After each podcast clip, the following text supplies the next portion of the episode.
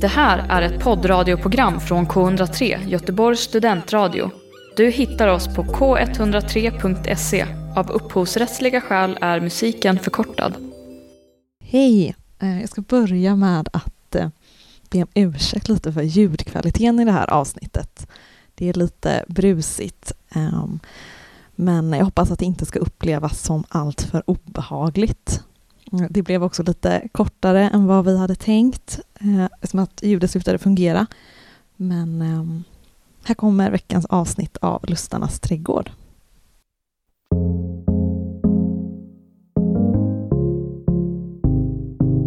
Hej och välkomna till Lustarnas trädgård, en podd på K103 Göteborgs studentradio med mig, Alva Rosengren. Och mig, Amanda Ekström. Det är första avsnittet för i år, 2023. Jajamän. Ja, Så- hur, så kör vi. hur mår du idag, Amanda? Ehm, jag mår bra, jag är ganska trött dock, men jag är på gott humör. Mm. Jag har jobbat i natt, så jag har sovit till klockan tre. Ja, skönt. Ja. Eller ja, kanske inte så skönt att ha så dålig dygnsrytm, typ. Men, eh, Nej, det är eller synd. att jobba hela natten. Nej, exakt. Det är synd att eh, missa dagsljuset helt och Mm. hållet. Men ehm, å andra sidan så får jag mer respekt för tiden. Så det är Mm. bra. Mm. Ja, härligt. Hur mår du? Eh, jag mår också bra. Så här, eh, lämnat in lite uppgifter i veckan. Ska börja den nya kursen imorgon, Mm. på måndag. Eh, nej, men jag har fått ganska bra början på året tycker jag. Mm. Det är så här första gången jag verkligen har varit så här eh, planerat för året på riktigt typ. Och Mm. jag vet att väldigt många tycker att det är töntigt med så här, nyårslöften och grejer. Men det är, inte, det är inte så mycket nyårslöften jag har. Det är mer, alltså dels har jag gjort en sån här vision board. Det har jag Mm. berättat om för dig Amanda innan. Att jag har köpt en, alltså en fysisk anslagstavla, skrivit ut bilder Mm. från typ Pinterest då. Eh, och sen satt upp. Eh, jag fick ju den inspirationen från dig. Mm. För att du sa att du hade gjort eh, en vision board. En digital vision board Ja. som jag har som bakgrund på min telefon. Mm. Men nu har jag liksom hängt upp den på väggen. Och så, det blev ju mest typ så fina bilder som jag blir typ glad av. Men det Mm. känns bra att så vakna varje dag och titta på den och vara så här. Det här är det jag ska jobba mot. Den här viben. Mm. Typ. Det är mycket så rosa och väldigt tjejigt känns det som. Ja, Eh, men det ska vara... det var ja. väldigt fint tyckte jag. Mm, Du hade en fin dikt på också. Mm. På en av bilderna så stod det, i den bild på en tjej, så stod det Be pretty and be chaotic. uh, jo men det, och så har jag också så här laddat ner ett program som heter Notion, om du vet Mm. vad det är. Det är så här, man kan göra liksom sidor som är så kopplade till varandra och så lägga in bilder och så, så kan man liksom så här, typ, jag har en sida jag kan skriva så här typ dagboksanteckningar, jag har en sida där jag ska skriva in vad jag typ läser, alltså vilka böcker jag läser. Mm. Eh, jag har en sida som är för så här, skoluppgifter där jag skriver om jag är klar med dem och när deras deadline är. Mm. Jag hoppas att jag ska kunna hålla igång med det. Jag har en tendens att börja sånt och sen så efter två veckor så lägger jag av. Men jag hoppas Ja. att det här ska... Det är första gången jag gör det digitalt så då tänker jag att jag kommer hålla i det för att jag alltid har min dator. Ja, men jag tror att du kommer lyckas. Men jag tror att det viktiga är att man inte har eh, perfektion som mål. Mm. Så att bara för att du liksom har glömt att använda den i en vecka så kan du ändå börja Ja. använda den Ja. igen. Typ. ja, men det tror jag också. Mm. Mm. Nej, men jag tycker mycket om sån här. Alltså den, det är väldigt tråkigt tycker jag med iPhone för på, vad, he, vad heter App Store? Ja. Heter det så? Det. Där finns det liksom ingen kategori som heter så här, vad jag kan se som heter produktivitet. Nej. Men ja. på Android i den här Google Play där man köper appar, Mm. eller laddar ner appar. Där finns det en sån härlig kategori som heter produktivitet. Där Mm. det finns massa sånt här och det tycker jag är underbart. Men Ja. ja, man kan, måste ju söka på dem för att hitta dem helt enkelt. Det är lite mer jobb. Ja. Mm. Eh, nej men det, det känns bra och jag så här, eh, också tänkte jag ska så här, eh, bli mer allmänbildad. Jag, jag har ju alltid det som mål att jag ska bli mer allmänbildad. Typ. Eh, men eh, typ den här veckan så har jag eh, pluggat in flaggor. Mm. Typ alla... Du har pluggat in flaggor den här eh, Ja. veckan. man, man kan ju liksom så här, så här, Västeuropas flaggor, men kan man så här Montenegros flaggor? Det kunde inte jag. Montenegro, ligger inte Montenegro i Västeuropa? Ja, de ligger väl neråt liksom. Centraleuropa. Ja, det gör de. man kan vara Västeuropa, Centraleuropa. Där, Jag menar man eh, kan ju säga typ Italien, Frankrike, Ja, Portugal precis. och så vidare. Men de här lite mindre länderna, Luxemburg. Ja. Nej, jag har ingen aning. jag kan den nu. Mm. Den, är, den ser ut som Nederländernas flagga fast med en ljusblå färg istället. Hur ser Nederländernas flagga ut? Röd, vit, blå. Okej. Typ som Frankrike fast Färger många väljer. Mm. Ja, så det är typ sånt ska jag göra. Mm. Då använder jag mig av Terra, jättebra app. Ja, Kommer jag Det är där man kan göra också. geografiexpert i slutet av året. precis. Där man kan göra, träna på Afrikas länder och USAs Ja. delstater och sådär. Det är väldigt bra. Ja. Det är bra, jag har också använt den lite grann. Framförallt när jag var det är lite väldigt Kul. Alltså så här, sitta på spårvagnen, så kan man bara ta upp och köra en sån. Mm. Jättebra, tycker jag. Jättekul. Härligt. Är det en sån, har du med lite olika kartor också på din vision board? Eller lite olika, Nej, det har jag inte. lite olika flaggor? Nej, det har jag inte. Nej. Det har jag inte. Ja. På min vision board så är det mest, ehm, jag har bland annat en liten röd stuga på den. Mm. Och det var också anledningen till varför jag valde att vi, du och jag, skulle boka en liten Ja. stuga att bo i i år. Ja, och det har vi ju gjort. Vi har ju redan gjort det så det Ja. kommer ju bli av, det är det som är så himla bra. Jag ser Ja. fram emot det så mycket. Ja, det kommer vara jättetrevligt. Det Och jag tror också vi, valde vi den som inte hade vatten? Rinnande vatt- ja, det kanske vi gjorde. Ja. Men det var ju nära vatten. I alla fall. Nära en sjö, ja kan precis. bada. Mm. Det blir premiärdopp där tror jag. Ja. Men mitt år har också börjat väldigt bra, eh, Mm. får jag säga. Alltså för att när man är inställd på att januari är en jobbig månad, ja. då är man inställd på det. Då blir det inte så farligt. Eh, men jag har sett väldigt mycket på olika tv-serier. Ja, vilka det, då? det lämpar sig att göra nu tycker jag. Mm. Jag har ju sett Emily in Paris, Mm. som jag pratat med dig om. Ja. eh, Jag, tidigare. tittat, jag tittade också på lite på tredje säsongen efter att du Mm. nämnde det. Alltså den är ju väldigt eh, totalt meningslös och ganska Ja. dum i huvudet. Men ehm, Ja, men den är lite kul, speciellt typ på så här i bakgrunden. Eller så här, där man är för trött för att så här, koncentrera sig på någon så här jätteviktig handling eller något så här. Något. verkligen. Jag såg en, en video på Youtube som handlade om, det var en tjej som analyserade så här, Mm. varför tycker vi om Emily in Paris när Mm. den är totalt meningslös och jättedålig och platt och det, är- det är Mm. bara liksom idiotiskt Ja. liksom. För att det finns ingenting som för historien framåt, det är bara samma sak som händer om och om igen och den är jätte Mm. banal liksom. Och hon sa att det var för att vi, den kräver ingenting av oss. Det kräver ingen investering eller någonting för man bryr sig inte om karaktärer. Alltså, ingenting spelar någon roll. Alltså, det är varken en intellektuell eller någon emotionell investering som det är. Nej, precis. Ja. Och det är bara, så här, det är ändå en ganska snygg miljö, det är Paris, det är väldigt snygga skådespelare, alla har väldigt snygga Ja. kläder, eller i alla fall speciella kläder. ja, fast det är Ehm, ju så, hon Emily har ju inte alls snygga kläder. Hon har väldigt fula kläder. Men eh, ja, de är ändå typ så här, Så det har jag läst en, en så här kritik. kritik att hon har fula kläder. För att hon ska vara så influencer typ och ska vara så här supermodeintresserad. Mm. Och speciellt när hon är så här, hon är ju typ Alltså inte så högt uppsatt. Hon har inte s- alltså ett jobb där hon tjänar jättemycket. Om man Nej, säger nej. så. Och ändå har hon typ så här, alltså alla hennes kläder är ju verkligen märkes... Ja, de är ju typ high fashion kläder Mm. tangerar de ju på liksom. Så att det är ju, det är väldigt orealistiskt. Ja, och det är ju så här visionen för de som skapar det har jag läst då. Det var ju Mm. typ att det skulle vara som, ja men liknande Sex and the City, vad det Mm. var när den kom ut liksom. Men i den serien så har ju Carrie, som är huvudkaraktären i Sex Mm. and the City, hon har ju ändå ett jobb där det känns, eh, det känns rimligt eller verkligt att hon eh, har råd. Medan Emily in Paris, alltså, då känns det inte som det. Nej. Men det som är med att hon, är att hon har ju väldigt färgglada och uppseendeväckande kläder, så jag Mm. tänker att det ändå är estetiskt stimulerande även om det inte är så att man känner att så här, så här skulle jag vilja klä mig. Ja. Det är ändå så att det Mm. gör ändå någonting för, ja. för, för hjärnan att se det som är ganska Mm. så här, inte Sen så är hon ju väldigt men... snygg tjej också. Alltså, Ja, det är hon. Lily Collins som hon heter, som spelar. Snygg men väldigt irriterande Ja. person. Men det är så härligt när man hittar en ny serie som är tre säsonger då med tio avsnitt, att så här, då har jag ju Mm. liksom typ 15 timmar av liksom bara så här som jag bara kan kolla på, det är ju helt underbart. Och samma Ja. sak, för jag har också kollat på den här serien Ginny and Georgia. Har du sett Jaha, nej jag har inte sett något men jag har så här, sett, alltså, sett, sett rubriker och den? sånt Mm. för den väldigt mycket. Nej men alltså jag tycker den är jättebra faktiskt. Mm. För den faller under kategorin på Netflix som heter typ så här absurd tror jag. Jaha! Och det brukar jag gilla, de som är Ja, så här absurd, knäpp, typ så här, ja. de tycker jag om. Och, och mörk, typ så här. Men den är väldigt, eh, Men jag trodde att det var en sån här teen... ja det är en Serie, teen, men den kan ju ändå vara så här knäpp absurd typ. Ja. Eh, men det är en teen, den är tonårings ungdomsserie liksom. Mm. Och den handlar ju om en 15-årig tjej och hennes mamma eh, Mm. som är 30. Men grejen är att jag kände ju, alltså så här, min insikt är ju att jag har helt tappat, eh, eh, inte fotfästet, det? jag har tappat liksom kopplingen till ungdomar. Att Ja. jag är ju liksom 23 år, ja. eh, jag är ju inte 16 längre. Nej. Eh, och jag har helt eh, eh, ingen aning om hur det är tydligen att vara 16. För grejen att jag kände när Ja. jag såg den här serien, att för den handlar ju om ett, eh, bland, eller det är med i alla fall ett, em, ett gäng i liksom gymnasiet som är så här. De är inte de allra mest töntiga personerna, men de är Mm. verkligen inte de mest populära, utan de är lite så här teaterkids, lite Mm. så här, eh, lite såhär mittemellan typ. Ja. Alltså så, så tänkte jag att porträtteringen av det här gymnasiegänget, Mm. som är liksom så här, en del tjejer och lite killar och sådär, att jag tänkte såhär, okej det är överdrivet av hur ungdomar är, men jag tyckte ändå att det kändes ganska autentiskt på något plan och jag tyckte det var ganska gulligt liksom, alltså de var ganska söta för de är ganska Mm. töntiga, men ändå typ så här att men det känns ändå typ realistiskt att det är så här liksom. Ja.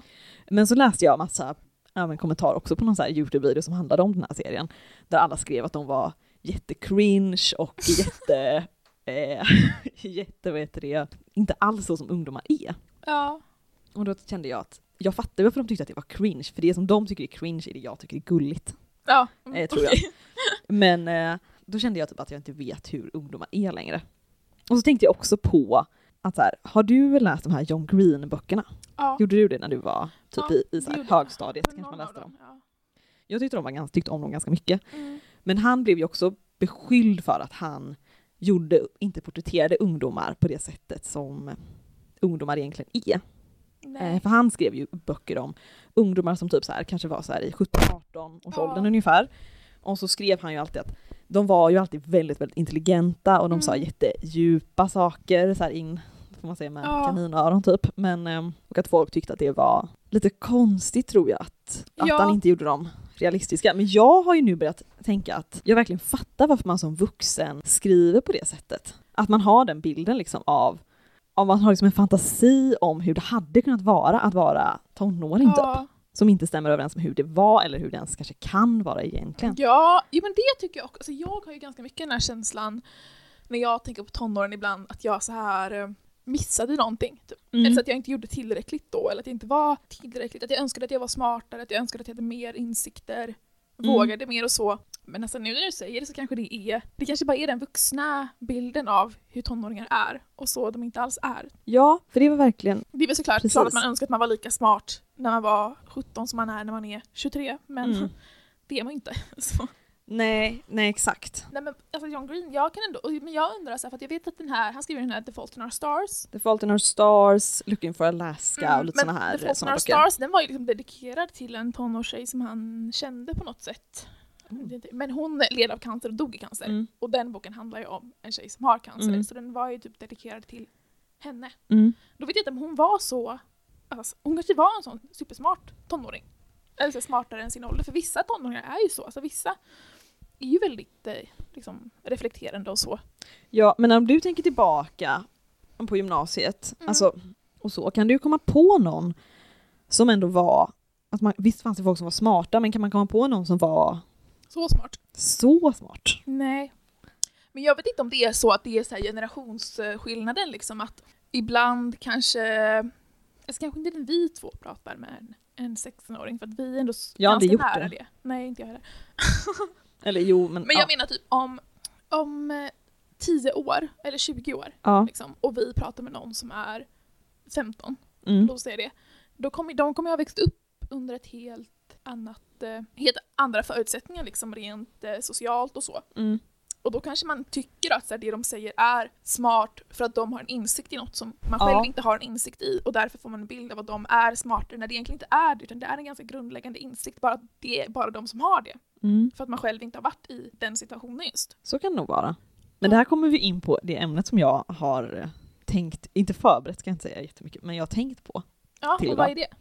Eh, Det är ju att jag läste en krönika Mm. eh, av Lotta Lundberg Mm. på Svenska Dagbladet.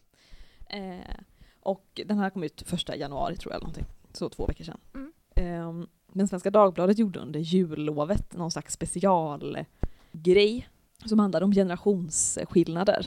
Mm. Och eh, eh, ja, men apropå att på jul så träffar man liksom sina släktingar och de är i olika generationer. Ja. Dels var det någon krönika som hette typ så här, därför mobbar Gen Z millennials. Mm. Och jag läste inte den, men jag såg på bilden att Men eh, identifierar du dig som millennial eller nej Gen absolut inte. Nej, ja. Det är vi ju inte. nej, men minns du när man var typ så här eh, Det har alltid varit min 11-12 och man var så här, men jag är också millennial. Nej, det har jag aldrig sagt. Jag har alltid jag. väldigt starkt tagit avstånd från att vara millennial.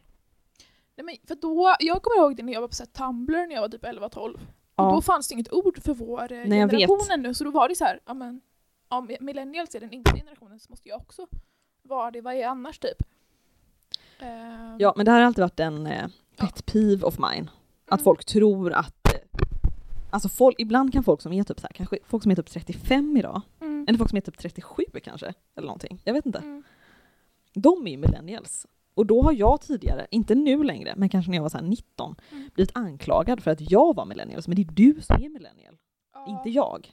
Det Men millennial, alltså vi är ju ändå ganska, alltså, millennial tar ju slut runt typ 90... 95 Ja, exakt. och vi är 99 år så vi är ju ändå i den lite äldre. Ja men det, det är klart vi är. Men det är ändå väldigt, eh, Mm. liksom så här, om millennials går från, typ så här, millennials tror jag går från 1980 till 95. Mm, Liksom. ja. Men, eh, men en sak som jag tycker är ganska kul, det här är lite taskigt, men ändå är att typ för millennials fortsätter ju då alltså vara den mest hatade generationen. För att det är Det är fortfarande... skönt att man inte är tillhör den. Jo men för att eftersom att typ så här, alla har ju alltid hatat millennials som har varit äldre för att, Ja. för att de är töntiga typ. Mm. Eh, och eh, nu så kommer även Gen Z då och hata det. Alltså det är ingen som börjar hata Ja. på Gen Z. Nej. För jag tycker snarare att folk är typ såhär, åh stackars Gen Z typ. Ja. Typ så är men, det. Ja. Så det är lite roligt. Eh, men i alla fall den här Lotta Lundberg, Mm. hon är en eh, kvinna i kanske typ så här 50-60 års åldern typ. Mm. Eh, och hon har den ganska vanligt förekommande åsikten tycker jag, som jag tycker är intressant, eh, av människor i den åldern som är att ungdomar idag är så stiffa. Och, Ja. För det, det, det finns ju den här statistiken som visar att ungdomar idag har eh, mindre sex och eh, dricker mindre. Mm. Och det tycker den här, den här gruppen är väldigt, ett väldigt dåligt tecken. Ja. Eh, och det tycker jag är intressant, för jag fattar ju vad de menar, att vissa menar att ja, men, ungdomar idag sitter bara inne och typ spelar datorspel och inte ute och upplever världen och typ Mm. dricker och har sex till exempel. Och det är klart Jag blir lite så, om vi dricker så himla mycket mindre, hur mycket drack de då? Alltså, alltså förlåt, det- var alla alkoholister på den tiden eller vad? ja, nej, men jag, jag, jag, jag håller med om verkligen, och jag har också tänkt på det att det måste ju vara så att idag så super folk skallen av sig jättemycket mindre Ja, i, i vår ålder. För att så här, det tycker jag ändå känns eh, eh, väldigt bra att man gör det mindre. Ja. Men i alla fall att liksom, dels så har jag tänkt utifrån det här om att vissa äldre tycker att ungdomar idag gör för lite och det är för viktigt. Folk, ungdomar idag är för fokuserade på karriär och har för liksom seriösa mål. Och också den här Lotta då, hon sa, sa också att ungdomar idag är så väldigt asketiska. Till exempel hade hon pratat med en yngre kollega som var i typ så här 25-årsåldern eller någonting. Mm. Som var så här, pratade om att hon, huruvida hon skulle ta körkort eller inte. Och vart typ så här, men jag vet inte om jag ska ta det för att det är så dåligt för miljön att köra bil. Liksom. Och då hade Lotta tänkt att, eh, att det är så himla asketiskt och så Ja. motsatsen till livsbejakande liksom, att inte köra bil till exempel och inte flyga och allting sådär. Och att, Ja. att ungdomar är för bara, bara ha massa måsten i vad, vad man inte ska göra. Liksom. Mm. Och det ligger väl såklart någonting i det, att så här, kanske det gör, men jag tycker bara att, alltså jag blir ju så, jag stör mig så himla mycket på det. Jag fattar att, ja men för jag, jag tycker att det är Ja, men någonting, jag tycker också det är någonting lite så här, med att, Det är lite kanske oundvikligt. Jag känner så här, nu vet inte jag hur det var med ungdomar förr, men jag känner väl att vår generation har växt upp ganska mycket med att man pratar ja, men så här, alltså typ miljöfrågan. Alltså det är därför man säger att det är dåligt att köra bil typ. För Mm. att eh, det, det handlar ju om miljön. ja. Men vi har ju också växt upp med att man får höra sen man är väldigt liten om Mm. så här, vad som är dåligt för miljön, vad som är bra. Det är väl klart självklart att vi då tänker på det mer. Mm. Alltså tänker på sånt mer. Eh, och tänker mer, ja.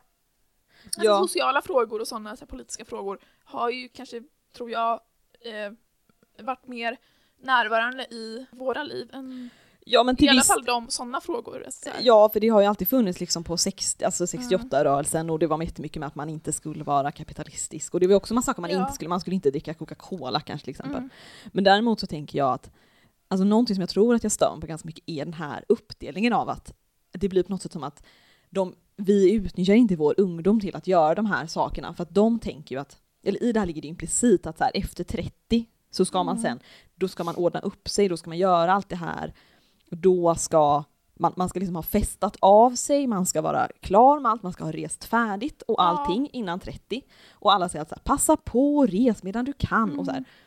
Eh, för att sen så kommer man inte ha den chansen. Och det tror jag lite också är en sak som har, alltså som jag tänker är bättre idag. Att jag tror att folk från början, jag känner fast att man från början ändå tänker att, att man vill, inte att livet är liksom uppdelat i två delar. Nej. som sin ja. ungdom och sen så skaffar man sitt jobb och sen så måste allting vara jätteseriöst. Utan att man Nej. liksom kan göra de sakerna samtidigt på något sätt. För jag tycker inte Mm. alls att det känns kul att här, ja, nu ska man leva jätteoseriöst då och sen ska man leva jätteseriöst. Alltså det känns liksom, Nej. Ja. Nej men det, jag, jag håller med där. Att det är, eh, och inte bara i min åsikt, men bara vad jag ser när jag, um, eller så här, hör när jag pratar med folk, att umgås med vänner och så.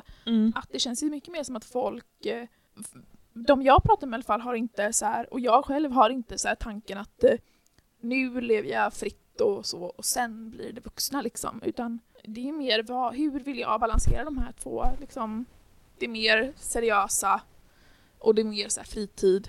Mm. Alltså, vad jag har kul att göra. Så. Jag menar att man vill liksom skapa sitt liv så som man vill ha det Mm. från början på något sätt. Mm. Att här, man vill ha den här bal- balansen liksom hela Ja. tiden. Ja. Nej men också att det känns som att det är någonting med det här med att då tänka att ungdomar slösar bort sin ungdom som är så himla, det framstår som så himla patetiskt att det växer verkligen, det väcker ett, eh, lite av ett äckel i mig när äldre människor säger så. Ja. För det känns verkligen som att de är så här, de verkligen saknar sin ungdom Mm. och de känner sig missnöjda med sitt liv på något sätt, tycker jag att det Ja. talar om. Att när man tycker att ni som ändå kan, varför utnyttjar ni inte det? För jag kan ju inte längre liksom. Men det kan man väl visst om man är ja. Jätte... Det, Också att man har så mycket åsikter om andras liv i allmänhet tycker jag är lite, Mm. lite konstigt. Att liksom, att supa versus att få ett jobb man tycker är eh, givande från en Mm. ganska ung ålder till exempel. Alltså så här, det är väl inget, alltså det är, visst det är lite präktigt men det är väl inget dåligt liksom. nej, nej jag, jag håller med. Och så här, Men sen så skrev hon också i den här, mm. som jag tyckte, alltså jag tyckte ibland är krönikor så himla dåliga. men det verkar Ja. jättesvårt tycker jag att skriva en krönika. Så att, eh, som inte blir så dålig. Så att, Ja, eh, jag har försökt men det går inte så bra för mig att skriva krönikor. Så, blir du också jättefjantig. ja. Ja. Eller jag kommer alltid till någon slutpunkt känner jag. Så. Så det, Ja, nej, men ehm, i alla fall så skriver hon också om att unga fokuserar alldeles för mycket på sitt utseende. Om man håller på för mycket med fillers och har du sett den serien på SVT? priset vi betalar. Ja. Ja, jag har sett ett, folk gör för långa saker tycker jag. Den hade Ja. kunnat vara ett avsnitt, men jag har sett eh, ett Absolut. avsnitt typ. Mm. Ja, men den, eh, för den handlar ju liksom om det, om fillers och sociala medier och, Mm. och då har lite fokus på så här, eh, ja men alltså plastikkliniker. Ja, plastikkliniker, skönhetskliniker som speciellt då de som är i utlandet, typ i Turkiet. Mm. Och jag tyckte det var så- himla mycket fokus, här, vart ligger skulden där? Ja. Alltså ligger skulden i eh, klinikerna eller på influencers? Eller ligger det på vi som följer influencers typ? Mm. Och jag tyckte det var lite så här för att hon, det är en journalist som har gjort det. Den Mm. här, eh, nu kommer jag inte ihåg vad hon heter, men några. Men hon är också vän med väldigt många av de här influencers som hon Ja. intervjuar och det är därför hon då har fått dem att liksom gå med på intervjuer och kunnat, Mm. för att de är, för att hon har hängt på event med dem Mm. och så. Och jag tyckte att det var lite, lite så här, den var lite lutad i att hon var väldigt benägen att inte lägga skulden på dem. På influen- för influencersna i den här gjorde ju samarbete med kliniker. Ja, exakt. Alltså att de Ehm. gjorde typ så här, här kunde det vara typ rabattkod eller var det bara typ så här visa upp så här är mina resultat på Alltså fillers i läpparna från så den här, och den när, kliniken. när influencers gör eh, samarbete med skönhetskliniker då blir det ju liksom, de får ett kontrakt typ. Mm. Och så är det ofta som får göra den gratis, ibland till ett rabatterat pr- pris. Men, Mm. eh, så det är ju så det går till. Eh, och jag, jag tycker inte att jag lägger någon skuld på, alltså mitt problem var inte att hon så här inte direkt att hon inte ville så här, lägga någon skuld på influencersna. För jag tror att skulden är väldigt fördelad över, alltså det är ju bara ett så här, något som har hänt, att så här, plastikkirurgi har växt. Jag tror också att det är så här, man kan göra det från en så kapitalistisk eh, analys att företag eller industrier behöver alltid växa. Mm. Och plastikkirurgi fanns ju alltså, för 50 år sedan också. Mm. Men då var det ju liksom Hollywoodkändisar som gjorde det. Ja. Och sen för att det ska liksom vara gynnbart, alltså gå i vinst, så växer det ju hela tiden. Mm. Så därför har det växt till att det är tillgängligt för vanliga personer Mm. nu. Eh, Så det är väl min analys. Men min kritik till den serien var typ att jag inte tyckte att de kom till någon djupare analys. Nej. Utan det var så här, hon ställde frågan, är det influencers fel? Och sen ställde hon frågan, är det klinikernas fel? Och sen ställde Mm. hon frågan, är det vi som, alltså följarnas fel? Mm. Men hon kom liksom inte fram till någonting någon gång. Nej. Så den kändes, eh, den var inte så, alltså det var en insikt för mig i alla fall eftersom jag inte har gjort någon plastikoperation. Nej. Så var det ändå en insikt och jag är inte influencer heller så det var lite mer en insikt i hur allt fungerar väldigt eh, Ja. mycket. Men eh, jag tycker jag fick så mycket svar för det, man fick mycket att tänka på ändå. Ja. Nej men jag tycker ändå att det är intressant, alltså just det här med, en, det är intressant just det här med att, för det är någonting som inte jag riktigt har tänkt på innan, att influencers kan få sina operationer och behandlingar gratis, för att det är, så, det är ju så himla dyrt om man, botox till exempel, det håller ju bara i, det håller ju ganska kort Ja, tid. det håller tre månader tror jag. Tre månader kostar Mm. ganska mycket att göra liksom. Det blir en väldigt Mm. stor utgift för en vanlig kvinna, alltså det är väldigt det, Ja. det är ändå intressant att liksom istället för att spara pengar 3000 tre gånger om året kanske eller någonting. Ja. 10-12 tusen kanske någon lägger på Mm. botox per år. Det är ju pengar man hade kunnat spara uppenbarligen.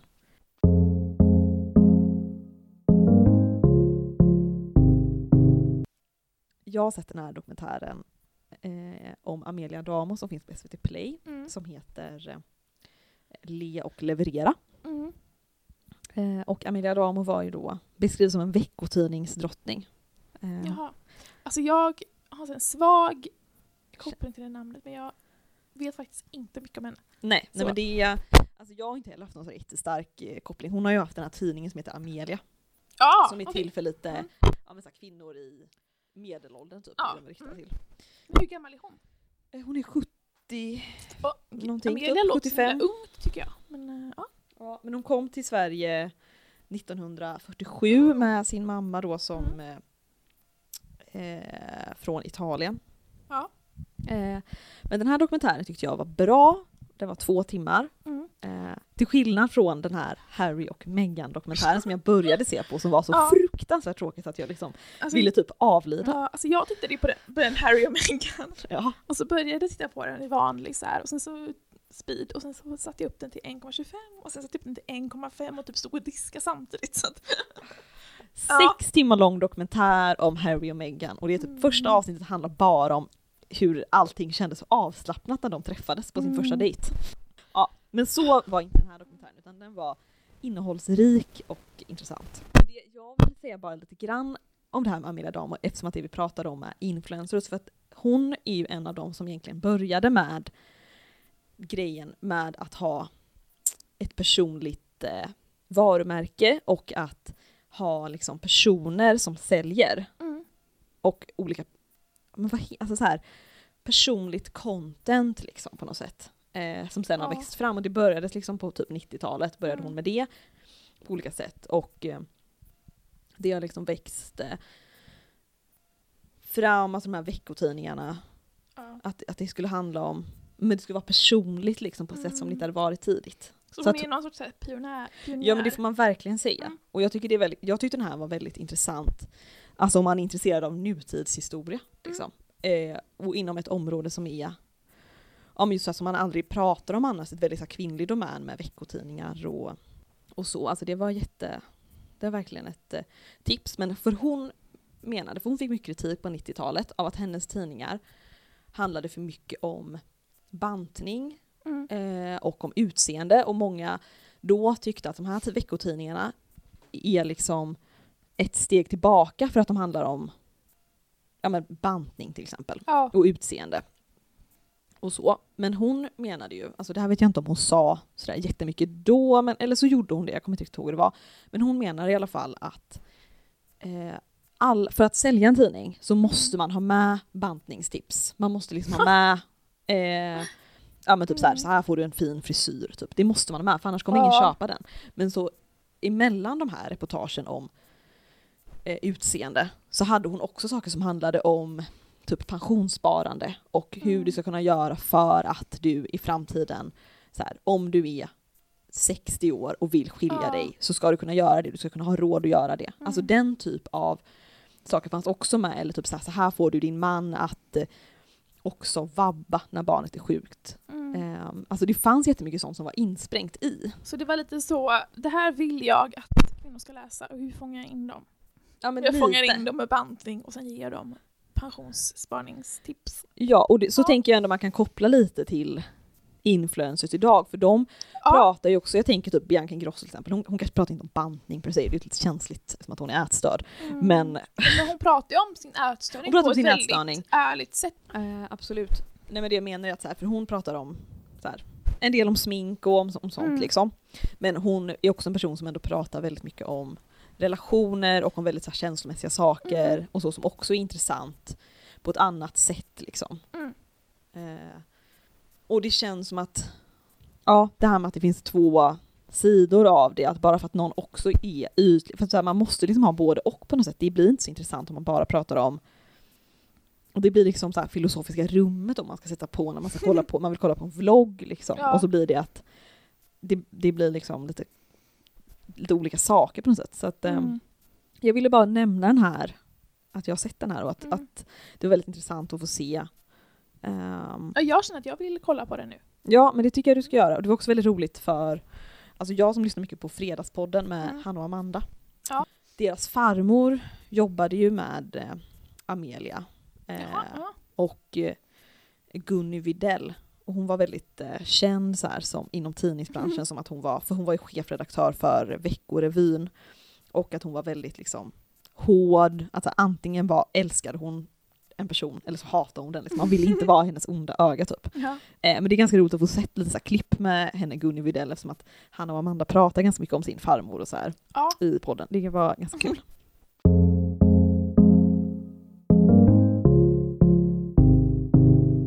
Ja, men ska vi avsluta nu? Ja, det kan vi göra. Mm. Du får avsluta Alva. Okej. Eh, tack för oss. Ehm, det här var Lusternas trädgård på K103 Göteborgs studentradio. Vi ses om två veckor igen. Du har hört en poddradioversion av ett program från K103. Alla våra program hittar du på k103.se. Följ oss gärna på Facebook eller på Instagram. Vi hörs!